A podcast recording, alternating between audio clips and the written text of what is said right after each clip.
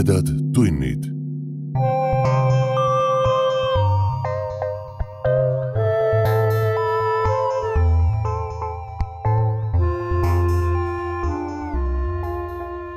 tere, hea ulmesõber.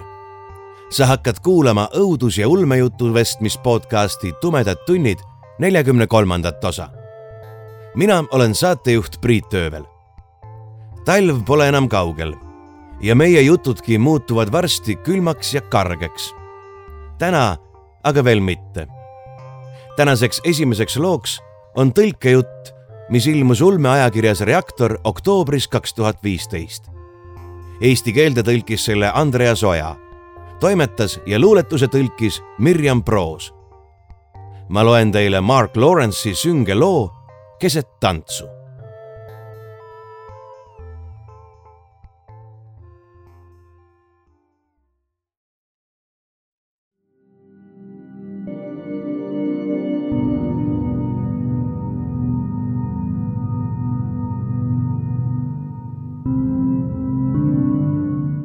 sel päeval, kui mu õde sündis, lõpetas isa joomise.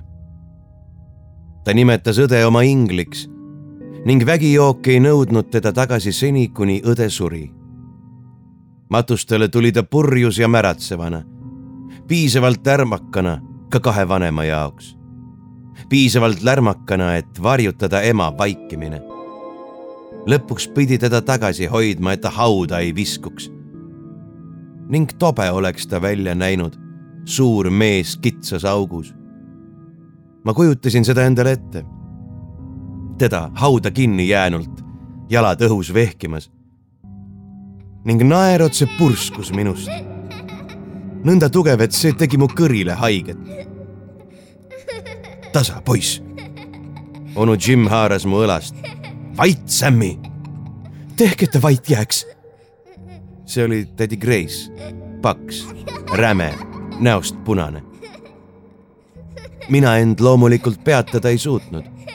hüsteeria oli mu vallanud ja naer kaikus minust läbi. isa ja ema ja mina. me moodustasime oma laenutatud matuse rõivastest trio. isa kirutas, et jumal võttis ta lapse, mina oma naerugaasiga, pisarad põskedel voolamas ja ema oma nähtamatul piinapingil, igal lihas teisega sõjajalal, mitte ühtki heli väljumas ta suletud suust. Meme tuli siia ilma viis aastat peale mind, päevapealt. ta saabus samal vaibal, samas toas. me elasime sama elu, kuid tema kuidagi sügavamalt ning õrnemalt. ema pani talle vanaema Robinsi järgi nimeks Marta ning preestrid Bethnal Greeni Püha Luukase kirikus valasid talle püha vett pähe, et ka Jumal ta nime teaks. mulle tundus see imelik, kuna Jumal teab kõike ning keegi ei kutsunud peale seda õde Martaks. ema nimetas teda õnnistuseks ning oma südameks. isa kutsus teda oma ingliks. kui söed tuhmilt koldes hõõgusid kiigutas ta õde tundide viisi oma kätel. ta lutsis õe sõrme ning keerutas ta juuksed otsmikul tumedateks lokkideks. õde kihistas ning püüdis isa käsi haarata. millalgi nende esimeste häälitsuste jooksul pani ta endale ise nime, Meme. pärast tema matmist tulin ma tagasi sellesse tuppa. tuppa, kus me magasime neljakesi ühes voodis nüüd kolmekesi. ma istusin vaibal, hallil vaibal, millel oli vaid vihje rombilisele mustrile selle topilisel pealispinnal, kulunud kotiriidel. me mõlemad olime sellel siia ilma saabunud. mina oma häälepaelu vallandades ning maailmale teada andes, mis ma tast arvan, nii väitis ema Meme tuli seevastu liikumatult ja vaikselt, pannes isa ülakorrusel karjuma, on ta surnud, oh Jeesus. kuid siis ta köhatas ning avas oma sinisinise silma. ma haarasin vaiba tupsudest ning püüdsin kujutleda seal kunagi olnud mustrit. terve eluiga varem kootud, ostetud ja müüdud, uuesti müüdud, tolm hoovis klopitud, välja klopitud. Kas Mee-Mee oli välja klopitud? ta oli nüüd kõigest muster. muster mu peas, väike märk nurgas, seal, kuhu lapsed pannakse. valge kirst, mida isa ei saanud enesele lubada külm saab tal olema seal Londoni savi all. mõtlesin temast selles väikeses kastis, üksi. Ja pisarad hakkasid voolama. Meme hakkas varakult kõndima, hakkas varakult rääkima.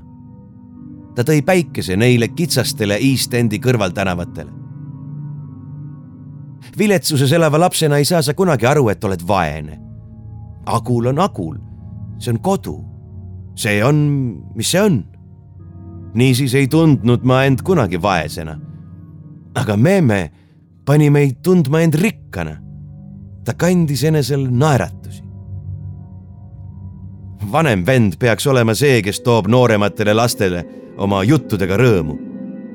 kuid meie kodus oli Meme selleks, kes lugusid jutustas alates sellest hetkest, kui ta rääkima õppis, jutustas ta lugusid maailmast, mida mina ei näinud. me istusime uksetrepil ja vaatasime paljasjalgseid lapsi tänaval või söemeest oma kottidega tulemas täitma keldreid neil, kes maksta suutsid. me vaatasime linde ülal, sellel säraval piiril, mis jääb taeva ja katuste vahele. me vaatasime nööril rippuvat pesu kuid enamasti vaatas Meeme tantsijaid ja mina kuulasin. ta nägi neid kõikjal. ta nägi neid tantsimas aialippidel, mööda vanu rentsleid, pesulõksude vahel nööril. ta nimetas neid tantsijateks, kuid hiljem ingliteks, sest ema ütles, et nii on sobivam, kui ta ei kavatse neist rääkimist lõpetada. enim nägi ta neid omakeskis, üksinda tantsimas ta nägi daami valges tantsimas proua Jenningsi ukse lävel. Meme rääkis, et daamil olla juuksed kui klaas ja kleit, mis sädelevad nagu suhkur. ta tantsinud terve tunni, kuni pimedaks läks. hüpeldes astmelt astmele, vaatamata sellele, et need olid kõrgemad kui tema. ja me vaatasime, no õigemini Meme vaatas, käsi plaksutades ja mina kuulasin teda ja püüdsin neid nii väga näha, et mõnikord kujutlesin end nägemas sädelust keerutava ingli järgmisel päeval olid linad proua Jenningsi pesunööril punaseks määrdunud ning ema ütles, et ta oli omale armsa tütre saanud. isa ütles, et tütre oli proua Jenningsile toonud kurg. ja ma noogutasin ning ütlesin, et usun seda aga tegelikult teadsin ma, et Sarah Jenningsi tõi sel ööl sinna valge daam. kust tantsijad tulevad? soovisin ma teada. Ja miks nad ei räägi? muidugi nad räägivad, tobu. Meeme sirutas oma töntsakad käed laiali. Nad räägivad nii. ta keerutas end pooleldi graatsiliselt, pooleldi kentsakalt kuid ta polnud neligi. kust nad tulevad? küsisin ma. ma hoidsin oma hääle tasase, sest nägin Billy Evansit mööda tänavat lähenemas. ta oli varsti kümneseks saamas. Ta oli kõhn, kuid pikk ja õel. mu kõht korises, kui nägin tal käes õuna. vahel tulevad nad inimestest, ütles Meeme. vahel mitte Billy Evans jalutas meist mööda. ta naeratas Memele. kõik tegid nii. inimestest, küsisin, püüdes seda enesele ette kujutada. inimestest, noogutas ta. Kui ta laseb nad välja. ma kiikasin tänavanurgal kõndiva Billy Evansi poole. ta paljad jalad lirtsusid mudas. kas Billy Evansil on tantsija? Meme noogutas. milline tema tantsija on? väga nukker. milline sinu tantsija on? ta on vikerkaar. ja Meme naeratas nii laialt, et naerulohuta põskedel tulid nähtavale. kas mul on tantsija? kuid ta pööras eemale. vaata, plaksutas ta käsi. ma vaatasin. mida? palju, ta plaksutas uuesti. sinised tantsijad. me vaatasime neid ja ta rääkis ta jutustas mulle, et nad ruttavad meie ümber kiirelt ja tõsiselt. Jutustas nende sinistest ja rohelistest toonidest ja kuidas nad koos tantsisid, keereldes üha ringi ja ringi. sel ööl valgus isake Thems üle kallaste ning me pidime järgmise nädala, mis isal elutoa mudast puhtaks kaevamiseks kulus, ülakorrusel elama. ma arvan, et see nädal niiskuse, haisva muda ning lõppematu vihmaga oli see, mis ta haigeks tegi. ta köhis ja see tegi minu sees haiget. ema ja isa hoidsid teda alati lähedal. isa tantsitas ja pööritas teda pidevalt süles. hei, me-me, kas tantsime selle vastiku köha ära? kas su inglid tantsivad nõnda? ja me-me kihistas naeru ja surus käed vastu isa rinda. ei kuid siis hakkas ta uuesti köhima. Huultelt tulemas verd. ja mäng oli läbi. Meme jäi palavikku ja isa läks arsti otsima. ta ütles, et kas või varastab selleks raha, kui peaks vaja olema. ta poleks lootnud, et naabrid tulevad Memele vastu. penn siit, veering sealt, shilling proua Jenningsilt doktor tuli ja läks. Ta oli väike mees, kübaraga, mille üle oleksin nalja heitnud, kui Meeme poleks haige olnud. ta andis oma kibeda rohu ja see oli kõik. me olime neljakesi oma voodisse pugenud koos pimedusega ja köhimisega. ja ema hingas vahetevahel teravalt sisse. järgmisel hommikul oli palavik läinud ja Meeme lamas vaikselt ning väga kahvatult. isa ütles, et see on hea märk. ta läks sadamasse tööd otsima. võib-olla on mahalaadimisel abikäsi vaja, et osta talle leiba ja veidi peekonirasva selle peale tilgutamiseks. nõrga rinna vastu pole miskit peekonirasvast paremat. ema läks pesumajja rikaste daamide pesu pesema ja mina jäin Meeme seltsi istuma. Milline minu tantsija on? nüüdseks oli see nagu mäng. ma küsisin talt iga kord. ta ei vastanud kunagi.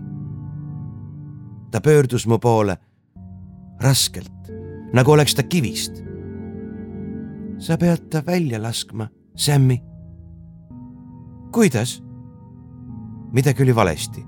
ta ei vastanud kunagi sa pead ta välja laskma.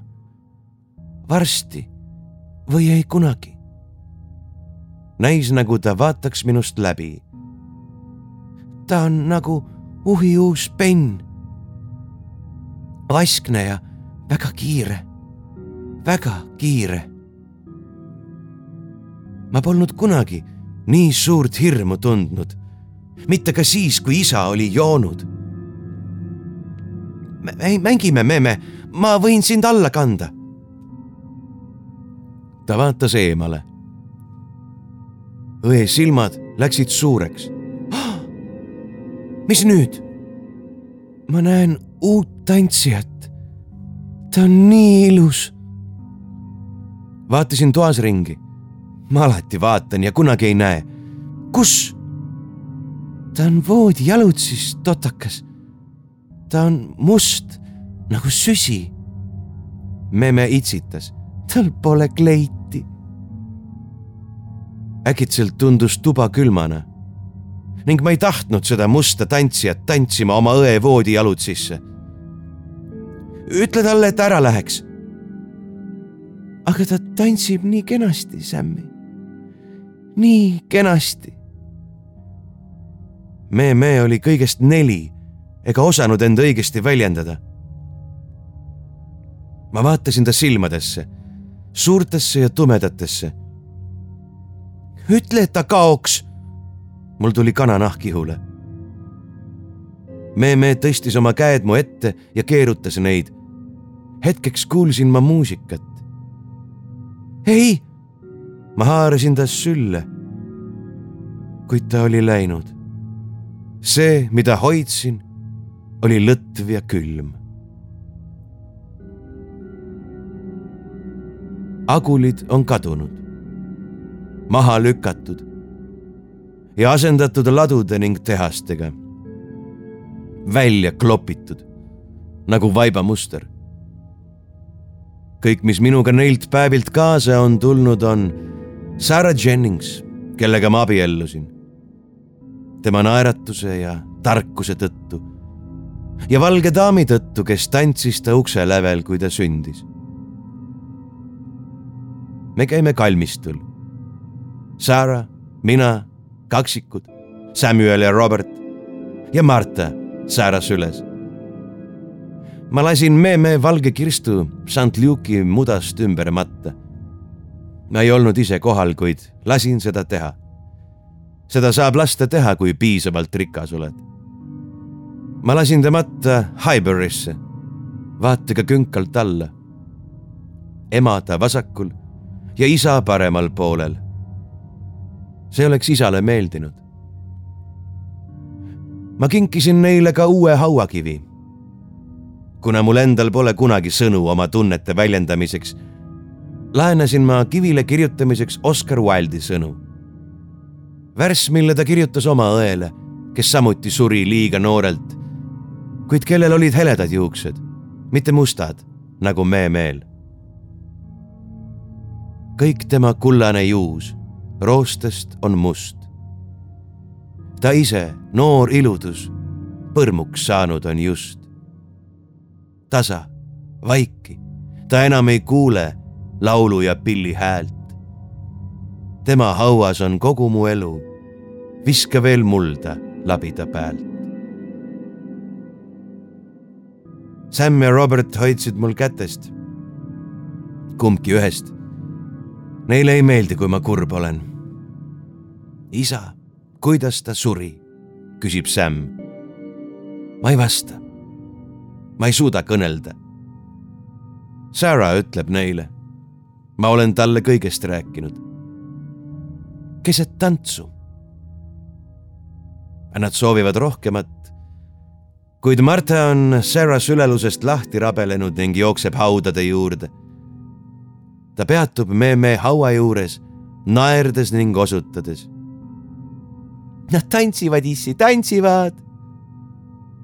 kes tantsivad, kullake? Sarah hääl on vaevu sosinast valjem.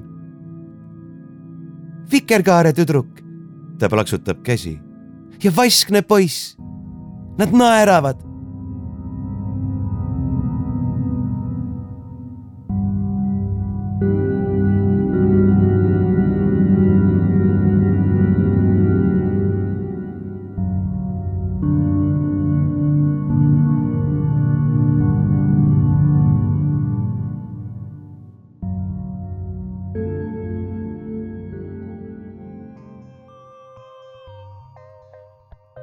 Te kuulsite Mark Lawrence'i juttu Keset tantsu. meie tänane teine jutt viib meid saabuvast talvest eriti kaugele. sooja, mõnusasse ja maalilisse Eestimaa suvesse, kus on eriti tore jalgrattal matkata. järgnev jutt pääses kahe tuhande kuueteistkümnendal aastal Haapsalu õudus- ja fantaasiafilmide festivalil raames korraldatud õudusjuttude konkursi finaali. ma loen teile Maigo Jõgi õõvaloo Puhka Eestis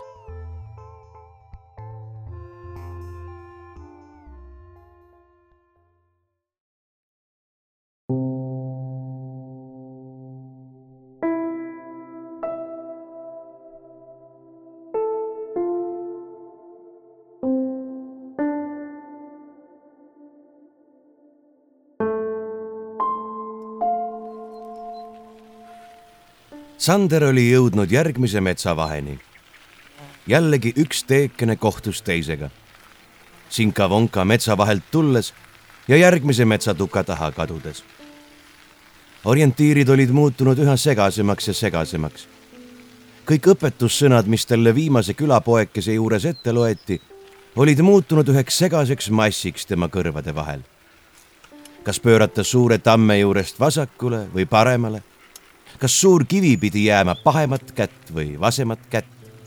mitmendast ristmikust tuli keeramisest hoiduda selgemaks ei teinud mõtlemist ka joodud õllekogus. külapoe juures kohalikega sõbrunedes kulus teist nii mõnigi pudel. ja ega siis kohalikud mingi lurriga piirdunud. alla seitsme volli nad õlleks ei pidanud. oma teekonda alustas Sander kaks päeva tagasi, jalgrattaga.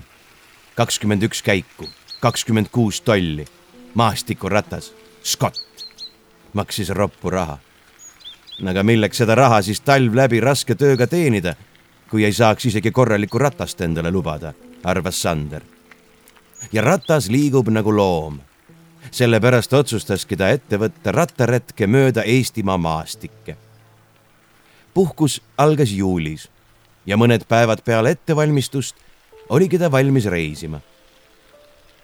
Kuna enamus sõpradest põrutas puhkuse alguses soojale maale teine pool sõpradest ei raatsinud oma ilusaid jalgrattaid maastikule tutvustada, oligi esialgseks plaaniks rohkem maanteeretk. kuigi neist sõpradest, kes suvel Eestist välja põrutavad, ei saanud Sander üldse aru. millal siis siin Eestis üldse olla, kui mitte suvel?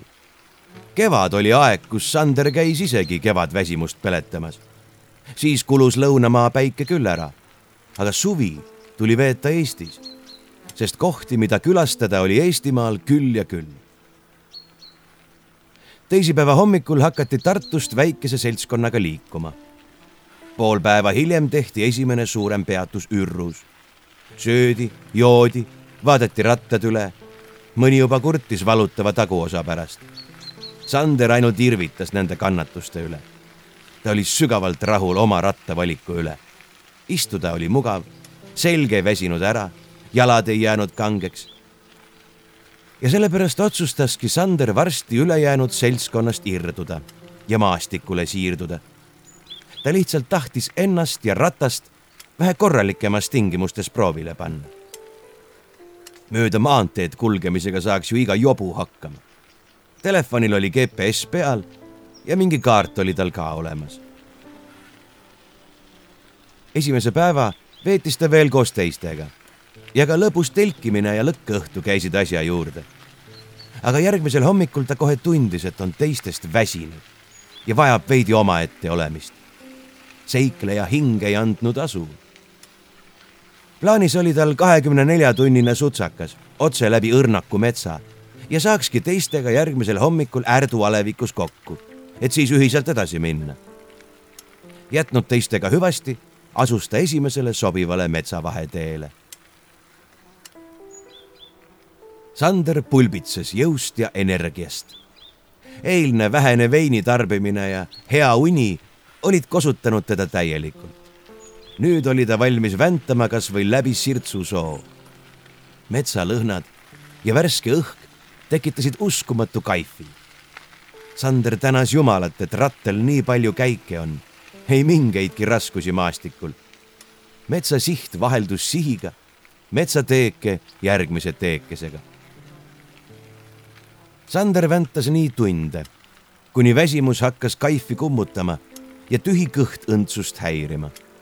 pidurid ja peatus, pilk moblale ja kaardile.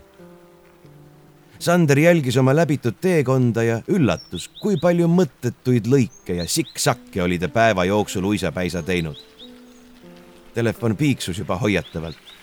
aku hakkas väsima. Sander kirus tänapäeva elektroonikat ja enda liigset optimismi teekonna kestuse suhtes.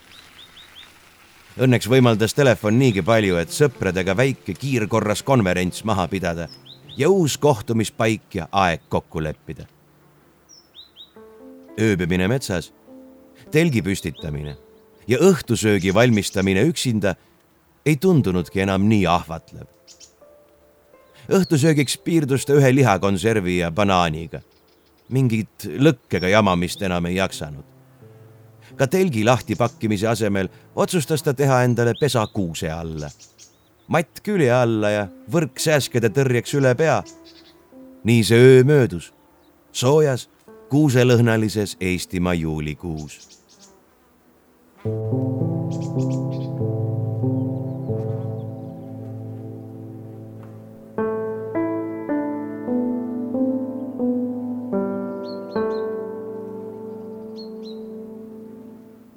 hommikul lihased enam ei hellitanud.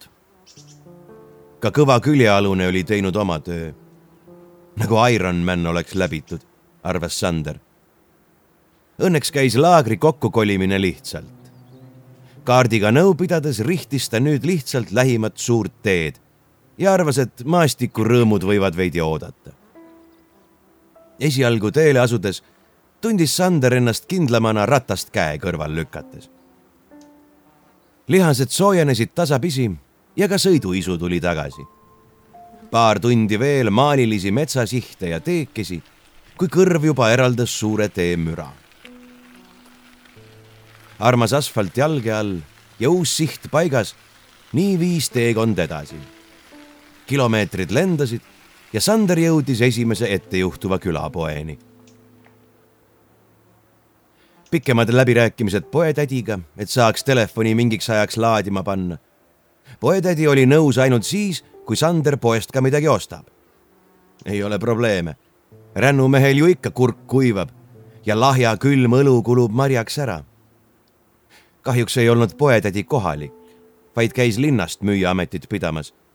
seetõttu ei osanud ta Sanderile kohalike otseteede ja teekeste kohta midagi tarka rääkida nii otsustaski Sander väljas õlut juues kohalike külameestega jutule saada.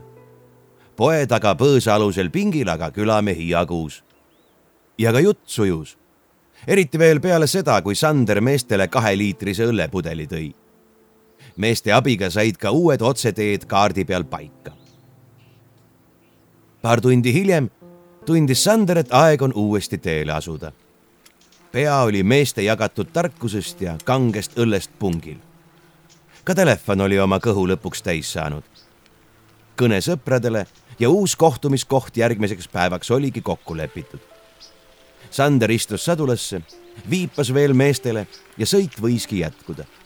Suurelt teelt alla ja jällegi metsade vahele. teades nüüd kohalikke otseteid ja kilometraaži, tundus õigeaegne sihtpunkti jõudmine käkitegu olevat.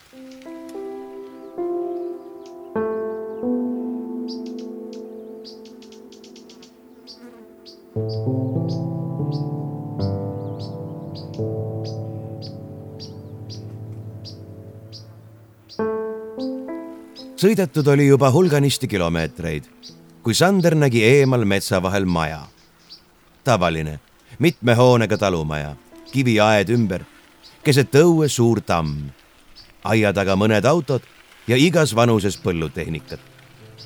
tundus, et kasutust ei olnud need masinad juba ammu leidnud, sest enamus oli neist rohtu kasvanud ja rohi neist läbigi kasvanud.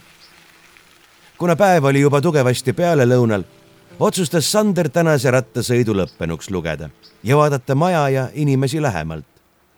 ehk saab korra kaevul higi maha loputada ja tsivilisatsioonile lähemalt telkida. järjekordne öö üksinda kuuse all ei tundunud ahvatlevana Sander lükkas ratta kiviaia äärde ja jäi vaatama, kas ka mõnda hingelist kusagilt paistab. ja paistiski. kaevu ääres pingil istus üks vanamees. Selline hall ja kulunud, nagu neid ikka talude juures leidub. Sander märkas, et vanamees põrnitseb teda nägu muigel. Sander vedas näo naerule ja viipas tervituseks. tere, peremees tahtsin küsida, ega pererahval midagi selle vastu ole, kui ma oma telgi teie aia taha üles löön. ja eriti tore, kui saaks kaevu all higi kah maha loputada. mul jalgrattamatk pooleli. Ahah, Nuurhärrar siuksed probleemid. eks ma siis vaatan, mis teha anna. telgi võid ka aiast sissepoole panna, sii ruumi küll ja sooja vett, seda saunas jagub. loputa palju tahes tänanud vanameest, lükkas Sander oma ratta õuele ja hakkas asju lahti pakkima. telk püsti, ülejäänud asjad telki ja siis küll kütmata, aga siiski suvesoe saun. mõnus leige, aga mitte liiga soe vesi. lihtsalt jumalik päeva lõpuks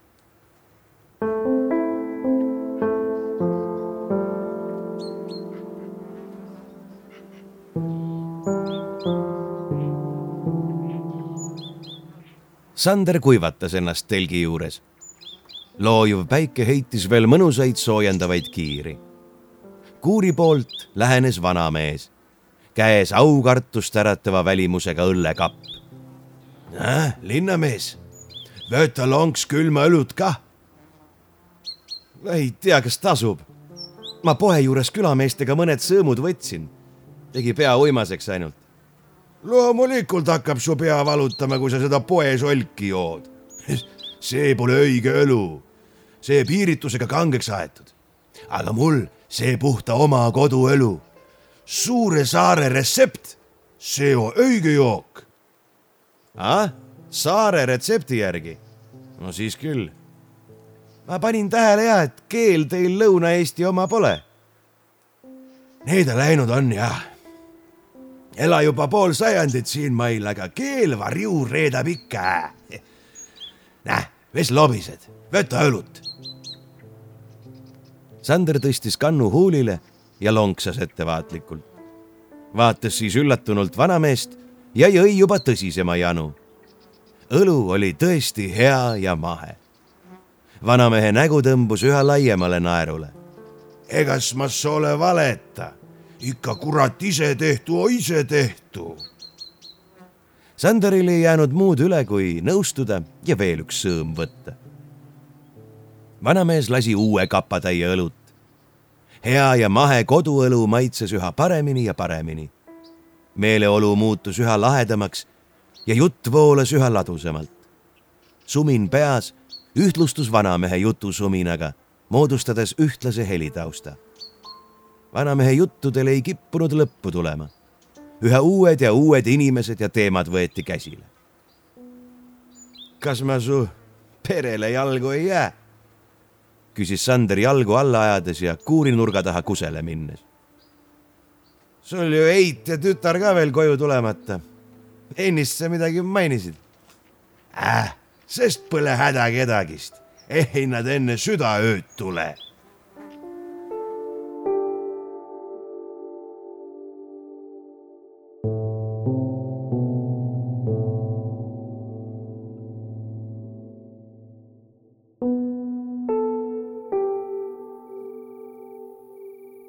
Sander avas ähmased silmad.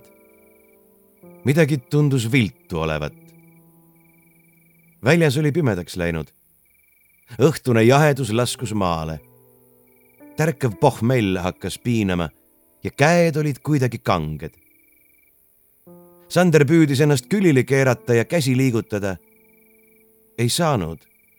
käed tundusid nagu selja taha kinni tõmmatud olevat.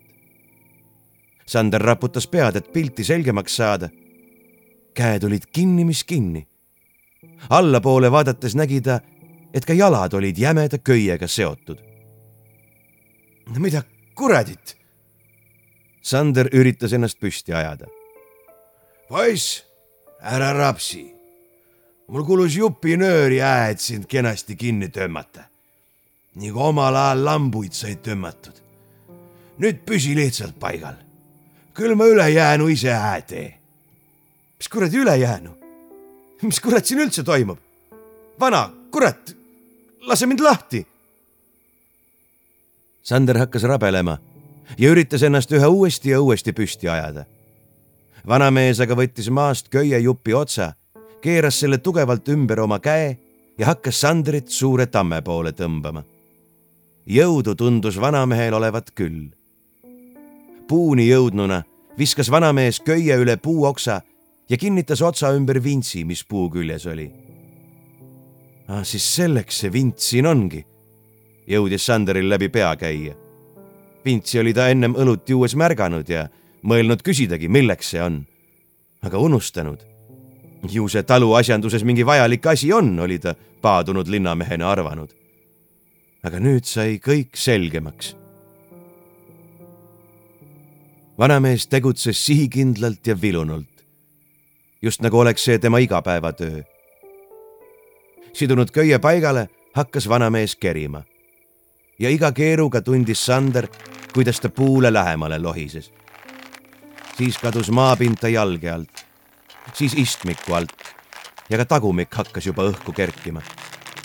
sellel hetkel Sanderi kannatus katkes ja ta hakkas röökima.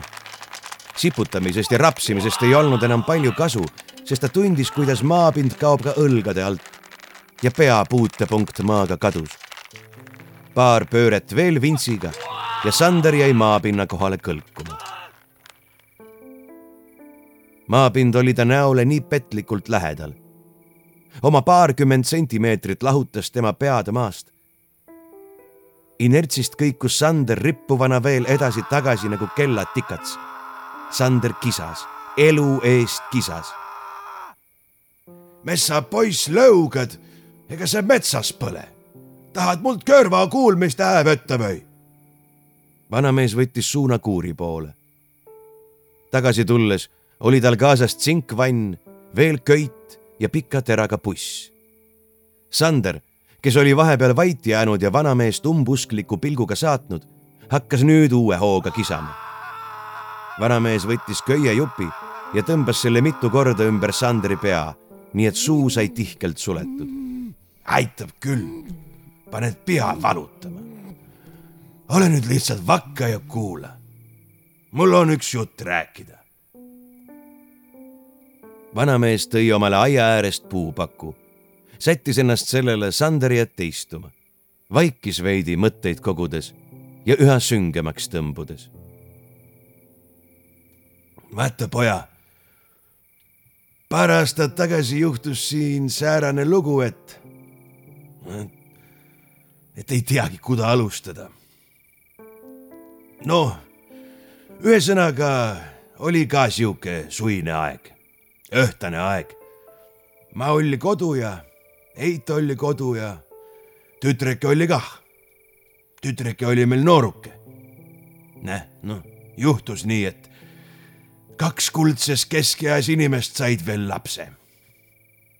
arstid küll jaurasid Heidele, et ei tasu nii vanas eas sünnitada, mitte ei tasu aga kas see siis meid jäärapäiseid heidutas? ei, mitte.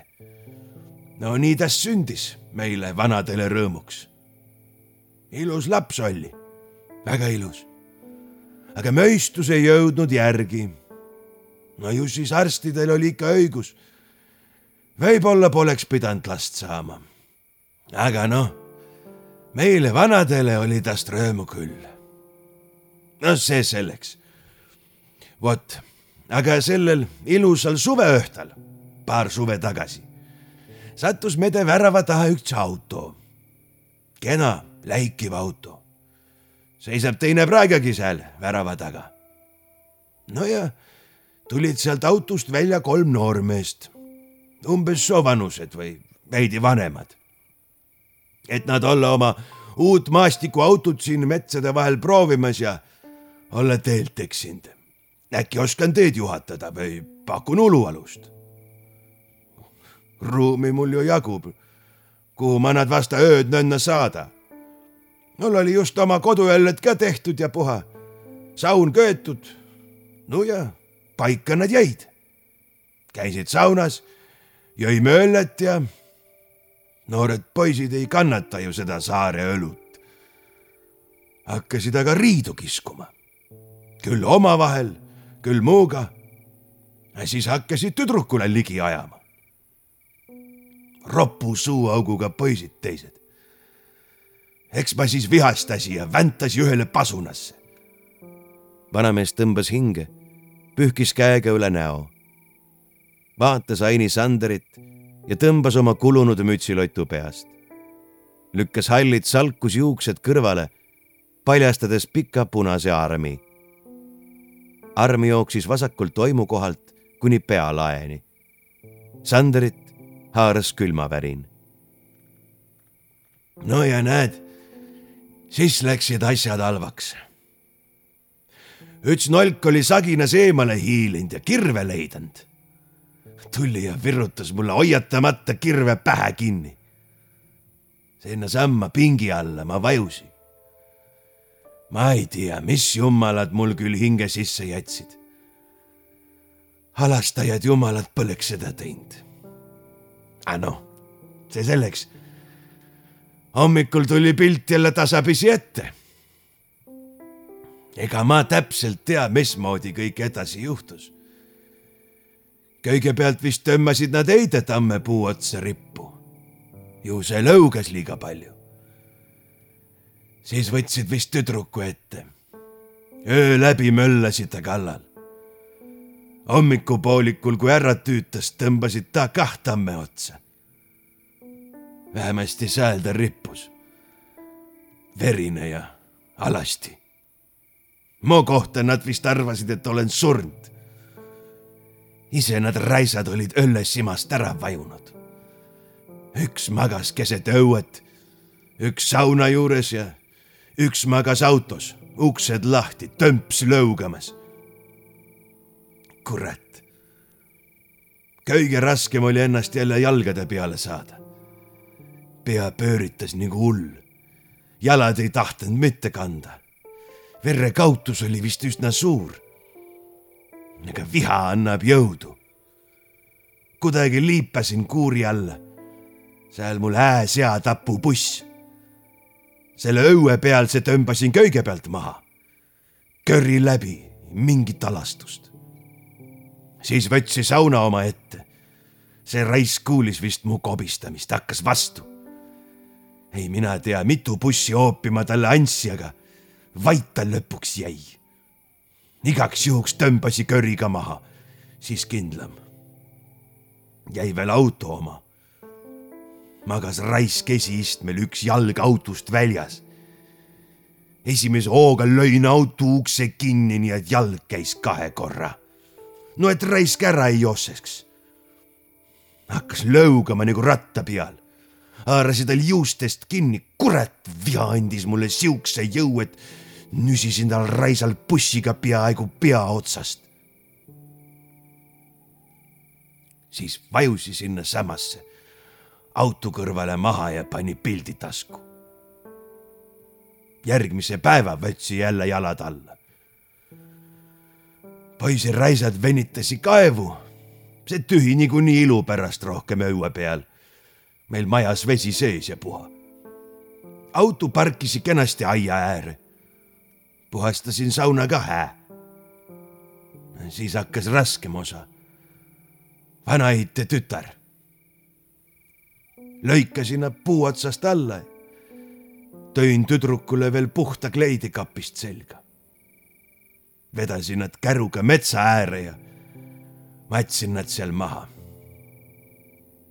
õnna jäid nende armsad kohad, mets ja kodu mõlema lähedusse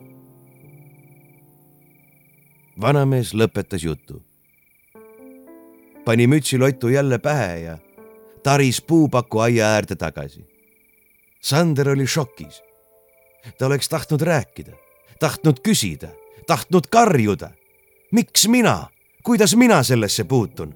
ma ei ole sinule ega su perele midagi halba teinud, mul ei olnud plaaniski midagi halba teha, ma ei ole üldse vägivaldne inimene, ei ole kurjategija. Sander tahtis karjuda seda, ja rohkemgi veel. aga läbi köie kostis ainult mõminad. mis sa mömised? püüad jälle dialoogi aretada, nagu peenemad inimesed ütlevad. Pole mõtet. sa pole mu lugu veel lõpuni kuulnud. ühesõnaga, matsin oma Heide ja tütre siis maha ja elasin ise edasi nagu oskasin võimumehi siia eriti ei satu ja ega mul poleks nendest sooja ega külma kah olnud. aga Eit ja tütar tulid tagasi ja,. jah, jah, poja, tulid tagasi. ega ma peale seda jama enam öösiti eriti magada saa. seepärast istun rohkem õues pingi peal ja vahin tähti. ja üks öö Nad olid järsku väravas. Mitte päris elus, aga mitte ka päris surnud. ma pole teadlane, ma ei tea, mis juhtus. kas mets tõi nad tagasi või maapind või mingid ebardlikud jumalad, ma tõesti ei tea. mina neid ei kartnud. Nad ju ikkagi omad. Heidega sai ka rääkida. Nad tahavad liha, värsket liha, paar korda kuus. Koduloomi me pole enam aastaid pidanud. tütrest polnud abi ja omal tervis nadi. jahil pole ka enam ammu käinud. mis siis muud üle jäi, kui sinusuguseid ette võtta? esimese korra oli lihtne. poisid olid kaevus veel üsna värsked hiljem tuli rohkem vaeva näha. aga noh, eks metsa ikka mõni kooserdama juhtu. Suvel matkajad, sügise seenelised. paar aastat on nõnna lännu. kaua veel ei tea. küll nad mulle ka varsti järgi tulevad. parem ponki, saab piinast lahti. vanamees ohkas ja rehmas käega üle näo. Sanderi silmist hakkasid pisarad voolama. mõmiseda ta enam ei jaksanud. Vanamees läks puu juurde ja keris vintsiga Sanderi paar nõksu ülespoole. tõi siis tsinkvanni lähemale ja asetas selle Sanderi pea alla. võttis siis bussi ja hakkas Sanderi T-särki vilunult eemaldama. särgi seljast kätte saanud, seisatas ta korra ja vaatas Sanderile otsa ära võta seda isiklikult, nagu tänapäev öeldakse. elu, olgu ta meil milline tahes, vajab elamist. sinu oma lõpeb kahjuks nii. ühe ropsuga tõmbas ta Sanderi kõhu ülalt alla lõhki. Sander kustus siis, kui sisikond ta näole vajus. vanamees astus sammu tagasi sättis vanni paremini Sanderile alla, et midagi kaduma ei läheks. pööras siis värava poole ja viipas. Tulge, kullakesed, tulge, täna on värsket. vanamees eemaldus oma paku peale istuma, pani suitsu ette ja pühkis niiskeks tõmbunud silmi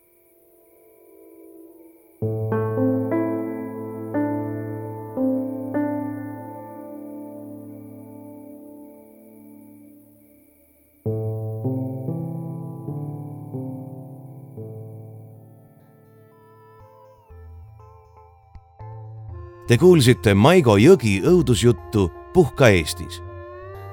ongi tänaseks kõik. me kohtume jälle juba järgmisel nädalal ja peale seda on saabumas juba esimene detsember. ja mis siis saab, sellest juba mõne aja pärast. seni aga jagage meid sotsiaalmeedias oma sõprade ja vaenlastega ning hakake meid võimalusel toetama lehel patreon.com kaldkriips tumedad tunnid. kõhedate Kuulmisteni